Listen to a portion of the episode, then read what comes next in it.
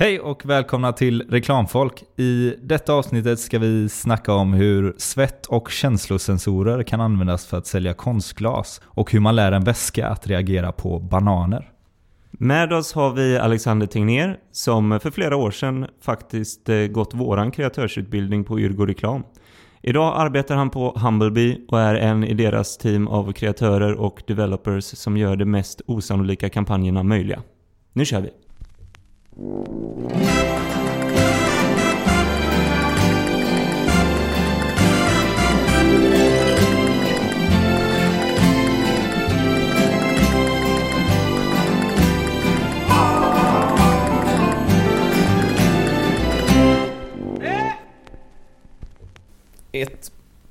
perspektiv med Adblock är ju att eh, visst, jag får eh, eh, reklam som ska vara riktad till mig då som person. Eh, men det innebär ju samtidigt att jag har gett ut en jävla massa information om mig själv eh, till någon annan. Mm. Eh, Facebook och Google då såklart. Eh, som använder mina sökningar och, och mina vad det nu kan vara, intressen på Facebook eller, eller mina vänner och försöker rikta då eh, annonser till mig som borde passa. Men det blir lite konstigt när man får blöjreklam när man inte har barnen och Nej, lite sådär. precis. Alltså att det Ja. är ändå mycket sånt där och det känns samtidigt lite läskigt såklart. Att det finns algoritmer som berättar för, för någon annan vem jag är. Ditt, ditt, ditt, alla dina intressen och inre behov är bara en matematisk formel. Liksom. Ja, och sen blir det så jävla konstigt för min del också då som ändå eh, jobbar med så många olika typer av kunder och måste läsa på en jävla massa om så många olika Mm. grejer. Så det, alltså, eh, Ja, du menar med ditt surfande, Ja, ditt men- researchande så, ja men så precis, blir det alltså jag menar... eh, blöjor och nu- inkontinensskydd. Ja, nej men eh, nu har jag ju jobbat med, med mm, Diaverum till exempel som håller på med dialys. Mm. Googlat fruktansvärt mycket på mycket hemska bilder. Eh, det önskar jag ingen kan Nej. meddela. Eh, nej men likväl som att man jobbar med, med någon kaka eller choklad eller vad, vad det nu kan vara då. Eller segling Mm. eller allt möjligt då. Så det, i, i min värld så stämmer ju inte annonserna Nej. någon gång nästan. För det är baserat på mitt internetanvändande som inte tar hänsyn till vad jag jobbar med. Eh, lite så. Ja. Nej men så det är också, jag tror det kommer bli eh, eventuellt problematiskt för eh, reklambyråer kanske. När folk mer och mer börjar använda Adblock. Mm. För då vet vi inte längre vem personen är. Vi kan inte veta så nära inpå vem, som, vem vi riktar oss till. Nej, precis. Utan då kommer kommunikationen behöva förändras på något annat sätt. Eh, Men i dagsläget så är vi väl de, de mest tekniskt kunnande kanske använder Adblock. Det kanske är jättemånga fler, jag vet inte. Men den stora massan använder det ju inte Nej. och kanske inte känner till det ens. Men eh, ja, det, Än så länge. Ja, än så länge så, så funkar det ju. Men eh, jag tror att kommunikationen framgent, kanske inte i år, kanske inte nästa år, men om fem år kanske behöver skruva på sig åt något annat håll. Och hur det ser ut, det, det får någon smart person komma på. Humbleby är ju en hyfsat ung byrå med många riktigt digitala och tekniskt komplicerade kampanjer i bagaget. Skulle man kunna säga att det är liksom till er man ringer när man vill få en galen idé att få liksom vingar? Ja, jo men det skulle jag mm, tycka att man kan eh, absolut göra. Eh, vi har ju åtta, eller nio nu, ja, åtta, nio utvecklare Eh, och UX eh, och designers och eh, strateger och hela biten så sett. Så det, det finns ju mycket teknisk kunskap i huset så sett och, och det brukar ofta vara eh, vad ska man säga? Det brukar ofta finnas en, ett frö till att så, jo men så här skulle vi kunna göra åtminstone. Och, så vi kommer ofta, oftast kunna lämna ett förslag i alla fall på att En, en mot, motbrief nästan. Ja, ja, jo men det måste vi ju alltid göra i vilket fall som helst när Ja. det eh, när det är ganska tekniskt så, så eh, behöver vi ändå så här, vi behöver bena ut bättre vad det är ni faktiskt menar med den här briefen då. Mm. Eh, så det skickas ju alltid tillbaka. Men eh, absolut, det... Men om de kommer med någonting som liksom är alldeles uppåt väggarna, helt tokigt, omöjligt nästan. Ger ni ett förslag då som sagt på vad, vad, vad som är rimligt att kunna, kunna göra? Ja, det, det gör vi. Vi jobbar ju mycket med eh, proof of concept. Alltså eh, om någonting är väldigt, eller verkar vara väldigt krångligt eh, och vi känner att så här, det här behöver vi forska lite i. Då ber vi att få göra ett proof of concept just för att vi måste testa om, om, om det flyger överhuvudtaget. Eh, och sen presenterar vi då en prototyp eller, eller eh, liknande som, där vi bevisar att ja, det går att göra. Vi kan lösa det på det här sättet i så fall. Mm. Men det är, ju, det är ju ganska ofta som ni har eh, byråer som kunder också. Mm. Eh, men när ni blir kontaktade av en byråkund till exempel, hur, hur stor del av själva idéarbetet står ni för? Eller är det liksom att de kommer med en idé, checka mer, är det, eh, går det att genomföra? Och så ger ni liksom ett förslag, eller är ni med också och formar, ni skulle kunna göra så här? Eh, just byråkunder, är, där kan vi komma in lite, lite överallt i, i processen. Ehm, Vanligt får man väl ändå säga att det är. Eh, eftersom det är reklambyråer så har de ju en tanke och en idé att så här, det här vill vi lösa, hur gör vi? Och då, då finns det ju ändå eh, ja, ett spår på att det här vill vi att det ska bli. Då kan ju vi, eh, eftersom vi är många på jobbet som, som kommer från reklambyrå eh, sen tidigare, så vet vi ändå hur man bevarar och tar vidare ett koncept. Och då har vi, det är nästan där vi är starkast också. Om det finns en riktning så kan vi ta ut eh, det digitala spår som blir någonting sen. Men du nämnde där att det var många på jobbet som har en reklambakgrund. Mm. Men då tänker jag på det, just inom det tekniska så tillhör ju inte riktigt era, era verktygslåda det mest vanliga som finns på en reklambyrå. Ehm, jag tänker mig till exempel er senaste Gainomax-kampanj där ni utvecklade en påse, en gympåse som pep om man stoppade i en banan, en frukt liksom.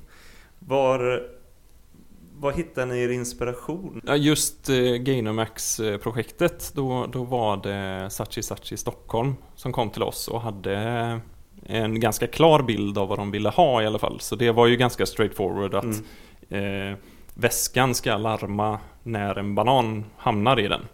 Eh, Men det är ju liksom ingenting som, som en normal människa vet.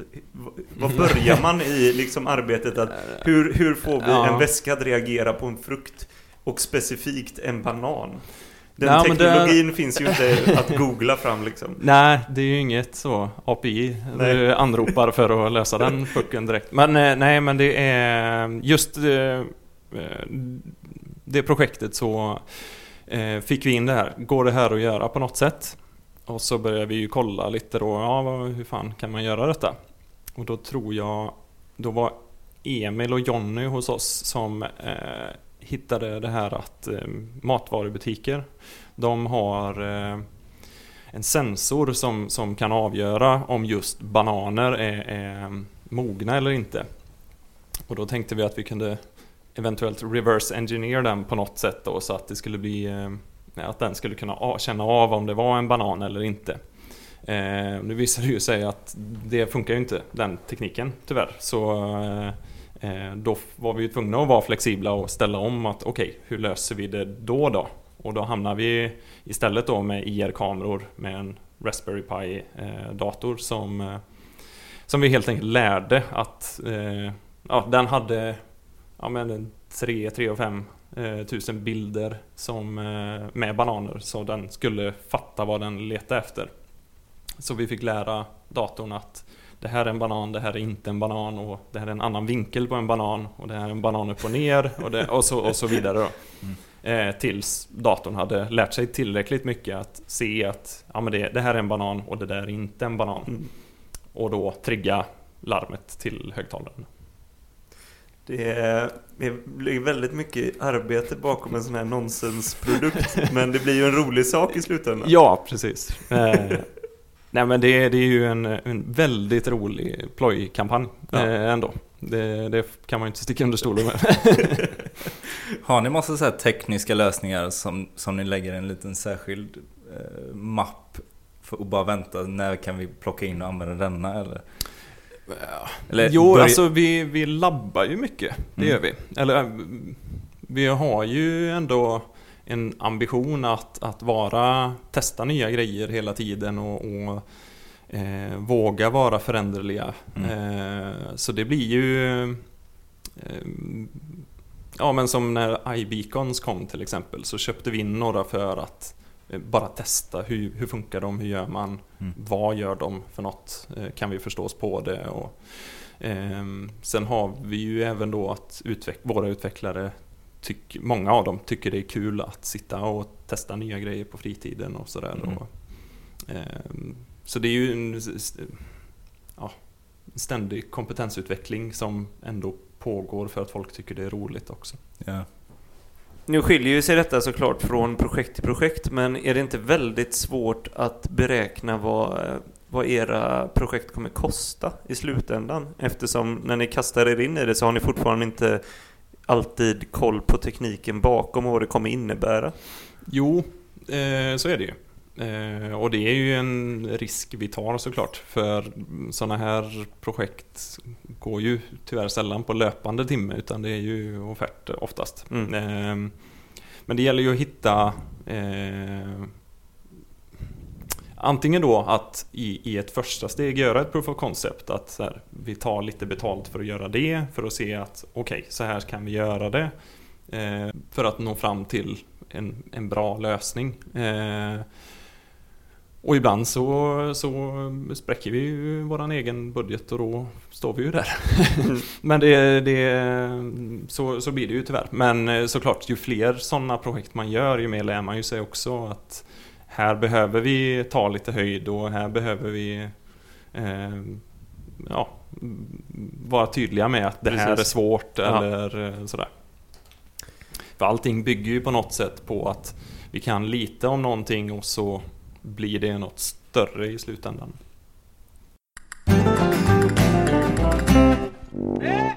Sommaren 2014 så körde ni Auction Based on Emotions. Mm. En eh, kampanj för Costa Boda. Vill du berätta lite om hur den togs ut? Mm. Ehm, kampanjen gick ut på, lite som namnet antyder, att eh, auktionera ut eh, Costa Bodas eh, glaskonst, tre objekt, eh, via att man, eh, den som känner mest för objektet Mm. eh, ska få den då. Och det gjordes under ett live-event i Stockholm. Där alla som ville fick komma, komma dit och, och sätta sig i ett vitt rum med eh, eh, hörlurar med white noise i. Eh, så att de skulle kunna vara så neutrala inför eh, konstobjektet de skulle titta på då som möjligt. Mm. Eh, samtidigt som vi satte eh, GSR-sensorer på personens hand och en eh, pulsmätare i örat. Och så Mm. fick de titta på objektet i en minut och den datan vi samlade in skickades också upp på en kampanjsajt så man live kunde titta på vem som ledde och, och hur, det, hur aktionen gick. Ja, och den som kände mest vann eh, objektet helt enkelt. Men eh, då blir man ju intresserad av hur eh, briefen såg ut från Ellemore som var byrån bakom idén. Mm.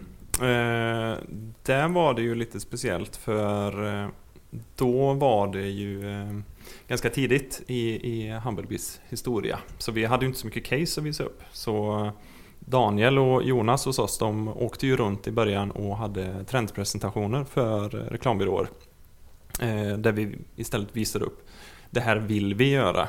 Eh, och då var Ellemore en av de som triggade igång på att eh, göra det. För de, det fanns något gr- grundtänk hos Max, Linda och Anna att de ville göra någonting med ja, mäta av folks reaktioner på något sätt. Mm.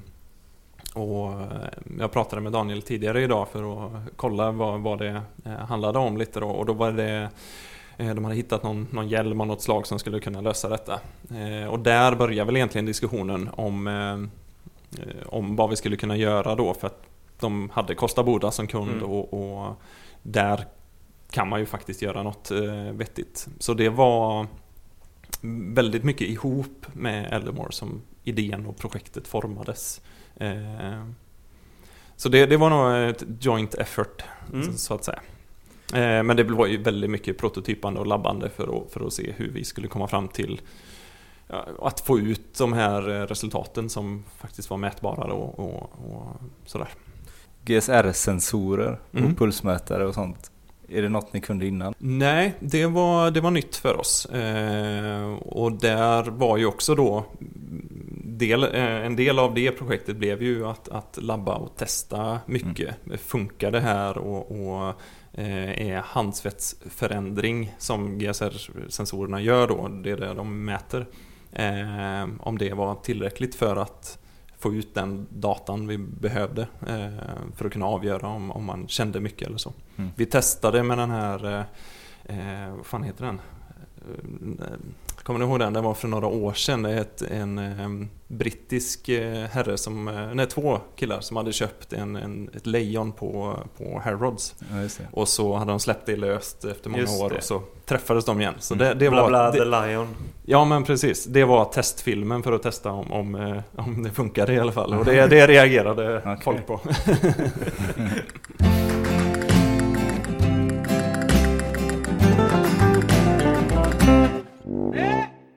Och nu till en kampanj som Humblebee, Relevant och Memebuild tog fram mot Stena Match Cup.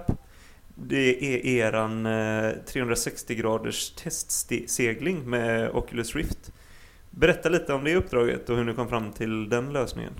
Mm. Eh, det vi gjorde eh, var ju att eh, Stena Match vi, vi, kör, vi lät folk under Stena Match Cup-veckan få, få åka med i en, eh, i en båt då. Eh, en, ja, en segelbåt eh, i, under eh, en och en halv minut via Oculus Rift då som är virtual reality-glasögon. Och det började med att det var en pitch där Relevant bjöd in oss och var med och ha tankar kring de digitala bitarna för Matchcup.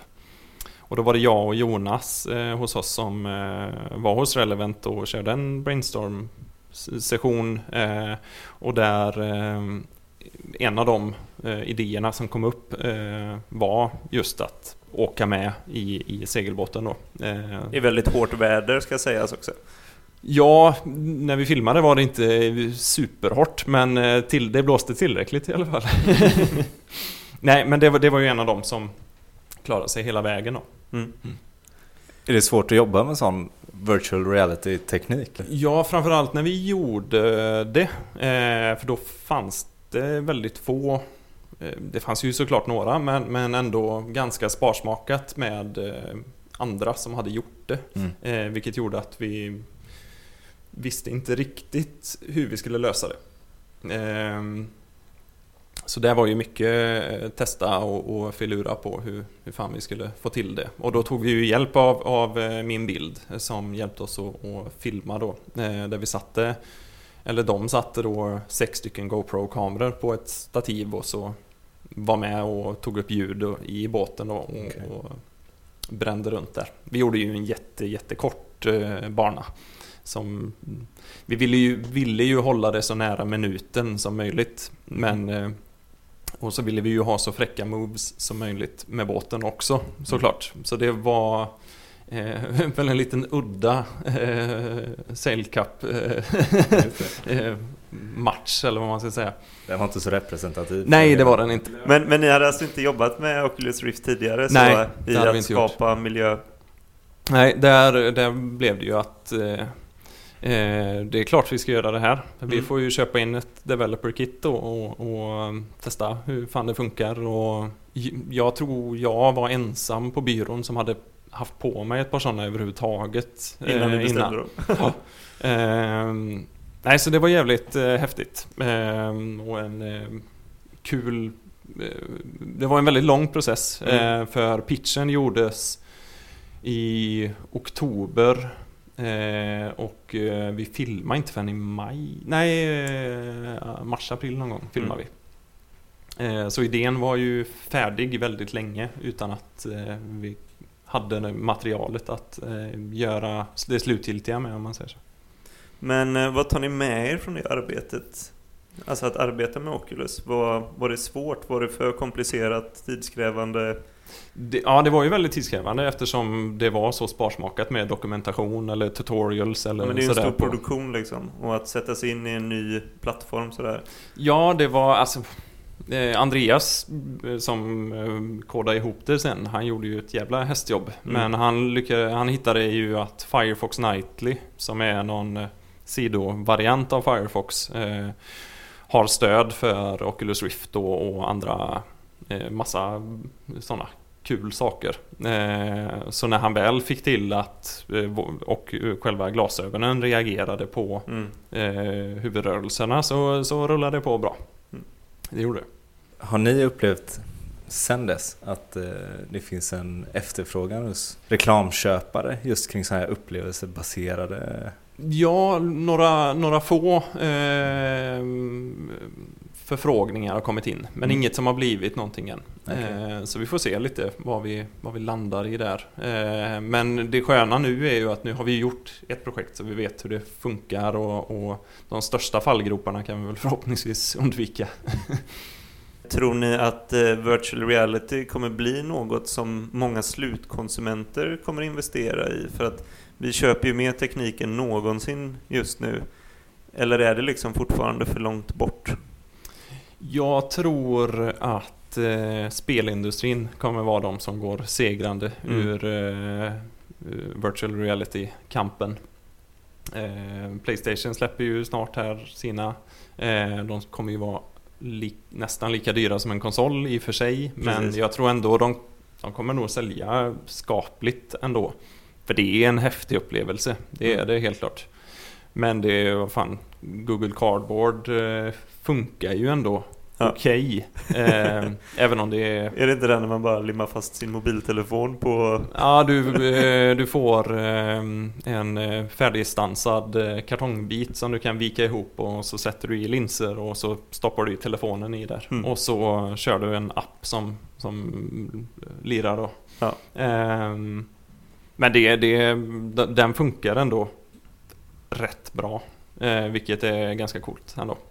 Så jag menar, det, och det blir ju bättre och bättre. Men eh, i år är väl eh, om det flippar eller floppar, Mm. skulle jag tro. Ja. Men eh, jag tror ju även att event, eh, eh, mässor och, och, och upplevelsebaserade grejer som du går till eh, kommer... Det kommer alltid finnas en marknad för det. Ja, men där, där har det sin plats på något Ja. sätt. Eh, sen kanske du inte kommer sitta och titta på film eller tv-serier med det. Eh, det är klart, om någon kör i 360, det kanske vore jävligt coolt. Men det, det är då har du logistiska problem med att filma det istället och sådär. Ja. Ehm, Men eh, jag tror absolut det har en plats inom framtida kanaler eller vad man ska kalla det. Sen om det slår så hårt hos slutkonsument, det, det låter jag vara osagt. ja, bra. Vi gillar ju att prata trender. Eh, försöka blicka lite framåt vad det är som händer. Ni jobbar ju väldigt mycket digitalt Mm. och eh, innovativa tekniska lösningar. Vad ser, ser du några trender just nu? Eh, jag ska ta en trend som inte Eh, varken har med teknik eller eh, digitalt att göra egentligen. Utan det, det är snarare, vi, vi ser väldigt mycket mer eh, service design-projekt komma in. Eh, alltså där vi eh, där man bryter ner faktiskt vad problemet är på ett helt annat sätt och gör eh, en väldigt grundlig förstudie, sen tar fram customer journeys och, och tar fram personas som ska representeras då av eh, intervjuer helst där eh, man intervjuar faktiska användare Mm. eh, och, och för att sen då ta ut det och basera lösningen man gör, vad det nu landar i att bli. Eh, Men vadå, ni menar att ni gör djupintervjuer med människor innan ni kickar igång en idé? Ja, precis. Ehm, Och ha det som och det, det, har, det har ju inte så mycket med kommunikationen att göra. Alltså i reklamkommunikation har det ju inte med att göra på det sättet. Utan det är ju snarare att eh, företaget behöver en, en service eller en tjänst Mm. eller vad det nu kan vara. Eh, som då, eh, där man gör ett arbete som eh, eh, som landar i att det blir en service eller en tjänst snarare då. Eh, som deras slutkunder sen har mycket nytta av och där det är eh, Ja, men där vi har på fötterna att era an- användare kommer vilja ha det här för att vi har gjort en jävla massa Research innan? research innan och, Ja. och ja, itererat en massa gånger för och framförallt haft med användarna under processen så att det har stämts av. Är detta någonting som ni gör eller någonting som ni ser att många andra börjar göra för att kvalitetssäkra sina satsningar liksom? Eh, Jag För tycker det blir ju ett sätt att kvalitetssäkra. Så att det inte Det bara blir blir det. liksom ett shot in the dark som kan bli hur som helst så har man ändå förankrat det i att människor har det här behovet. Ja, precis. Eh, nej, men jag ser väl trenden generellt är väl att det går åt det hållet. Att, att eh, det, det blir mer projekt som fungerar på det sättet. Mm. För att vi har sett eh, lycko, eller företag som har lyckats med det nu med Uber och Netflix och alla möjliga. Mm. Som faktiskt eh, engagerar sina användare och lyssnar på dem. Att ja, an, våra användare vill ha det här. Mm. Och då, vad, vad, vilka ska vi vara och säga att de vill ha något annat då? Avslutningsvis så eh, brukar vi alltid ställa en eh, fråga till våran gäst och det är vad borde vi eh, som unga kreatörer som är på väg ut i arbetslivet vad har du för bra råd till oss liksom? Vad ska vi ta med oss? Jag skulle säga att ett kon- väldigt konkret råd Mm. är att gå till codeacademy.com lär er lite HTML och CSS åtminstone. Eh, jag var själv när jag pluggade eh, samma utbildning som, som ni två eh, och till även efter att jag hade jobbat några år och pluggade igen på Hyper Island då då satte jag mig och nu, nu vågar jag. Nu är det dags för jag, att knäcka nu, kod. nu vågar jag ta i lite kod här för jag var jätterädd för det. Mm. Eh, och, och förstod inte och det såg tråkigt ut och allt möjligt vad det kan vara. Men eh, det är bara av att ha gjort HTML och CSS-kursen så förstår man väldigt mycket mer och man kan prata på ett helt annat sätt med utvecklare framförallt. Eh, för det är ett oundvikligt samtal som kommer komma framöver liksom. Du, du kommer ha en sån jävla fördel om Ja. du kan prata med en utvecklare eh, som, som kreatör. Eh, för vad jag, som jag ser det så går det ju åt det digitala på, på alla fronter. Jag tror inte print kommer försvinna men det går åt det digitala och, och det är där lösningarna hamnar. Mm. Så om man kan bara förstå en, någon liten procent av vad det är de där kodarna håller på med så, så har man mycket att vinna på det. Mm. Grymt. Tack så mycket. För Tack så mycket Alexander. Alexander. Varsågoda. Tack för att du fick komma. Stort tack till eh, Alexander Tegnér. Glöm inte att lyssna vidare på resterande avsnitt i eh, säsong 1 som ligger ute på iTunes under Reklamfolk. Och ett extra tack till Stendals för lån av studio och utrustning. Vi hörs.